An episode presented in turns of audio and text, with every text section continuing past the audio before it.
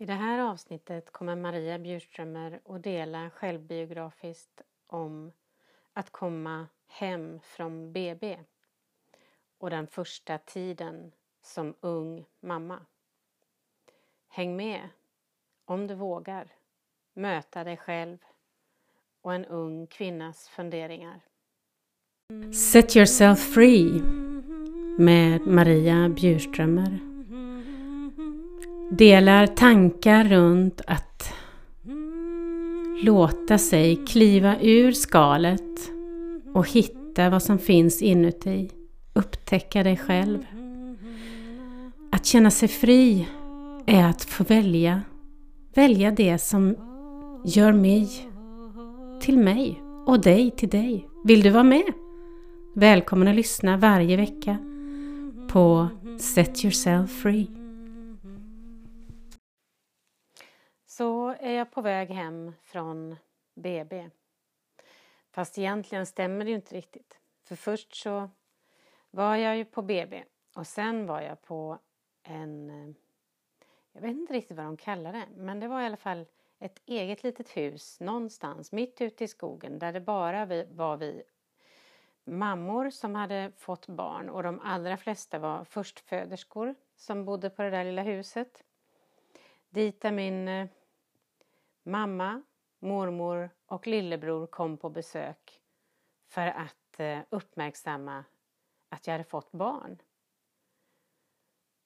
De såg jag inte sen. På lång, lång, lång tid. Det var nämligen så att min man vägrade ta emot något besök från min familj. Lite märkligt kan man tänka sig att min man inte älskade min familj. Men så var det faktiskt. Jag var helt isolerad med honom. Så när jag åkte hem från det här barnbördshuset eller lilla stugan ute på landet där hem till våran stuga på den mycket isolerade landsorten så var inte min mamma där.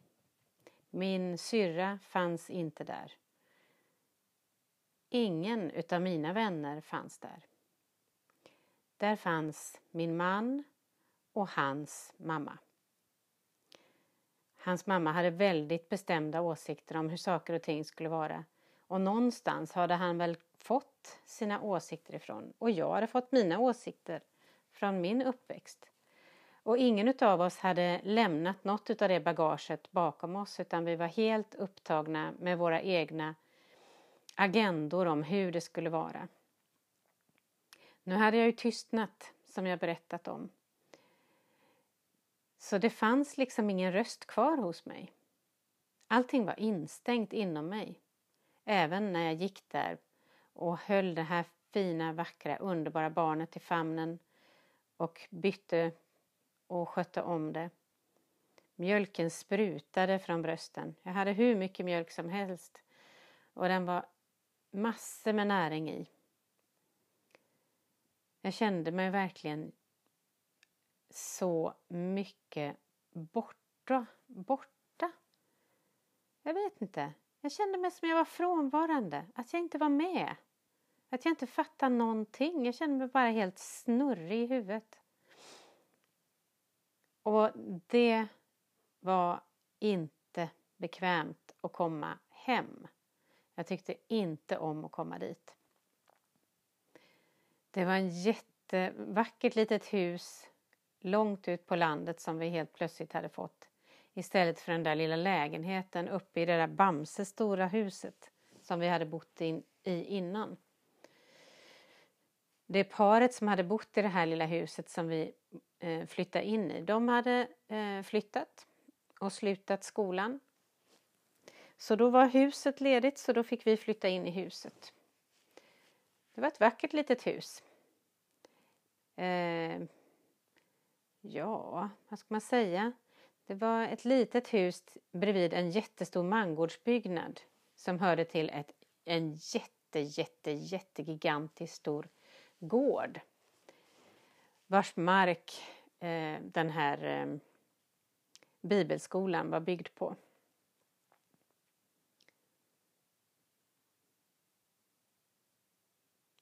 Jag kommer in i köket och jag minns att eh, farmor, som det blir nu då, stod och diskade i köket och hon hade lagat mat. Hon står mitt på golvet i köket ett, en smal gång. Och runt fötterna på mig så upplever jag att det är massa småknytt. Och när jag växte upp så hade jag ju en morfar som kom från Värmland så vi pratade ganska mycket om småfolk och småknytt så för mig var det inte så konstigt. Um, men någonting fick mig att stampa i golvet. Antagligen var det väldigt mycket ilska som fanns någonstans där och ville komma ut. Men det kom ju inga ord direkt. Inte som jag minns.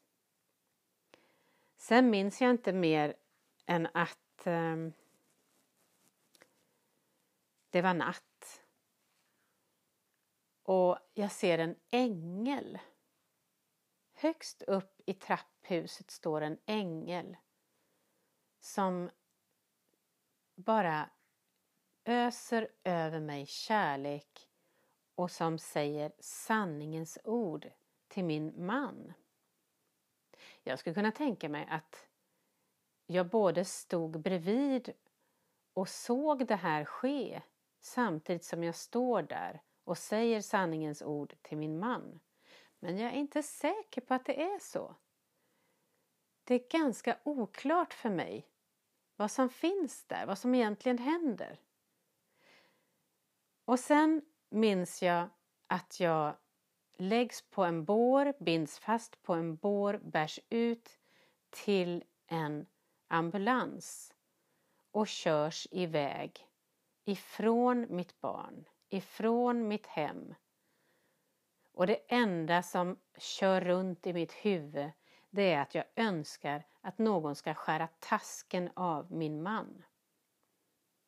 Så att han inte kan göra någon annan med barn. Det måste ha varit så fruktansvärt mycket ilska instängd i den där kroppen som kördes iväg. Och jag hade ingen längtan att komma tillbaka. Jag hade bara en otrolig längtan efter att få ge upp och dö. Släppa taget om allt. Och sen började en lång historia om en ganska jobbig efterperiod där jag blev um, ja, inlåst på ett sjukhus långt bort från mitt barn utan möjlighet att få träffa mitt barn. Och de få gånger jag fick träffa mitt barn var jag starkt medicinerad och barnet lades i min famn och det pumpades medicin ur mina bröst, en mjölk som var giftig som inte min son kunde dricka. Ja, det var ett helvete. Jag hade hamnat i den svenska psykvården. Man kunde ju tro att det har ändrats, men den är faktiskt fortfarande likadan. Och fortfarande är det ingen som vet varför eller hur man kan hjälpa en kvinna som har fött barn och som har hamnat i en djup depression. Det kallades att jag hade fått postpartum psykos. Jag har ingen aning om om det var sant eller inte. Jag vet inte om man kan överhuvudtaget ta reda på sånt. Det var ingen som tog några hormontester. Det var ingen som tog reda på hur det stod till. Det var inte ens någon som talade om för mig vad som hände. Ja, mamma har berättat. Jag åt inte. Jag öppnade inte munnen. Mamma fick komma dit och mata mig.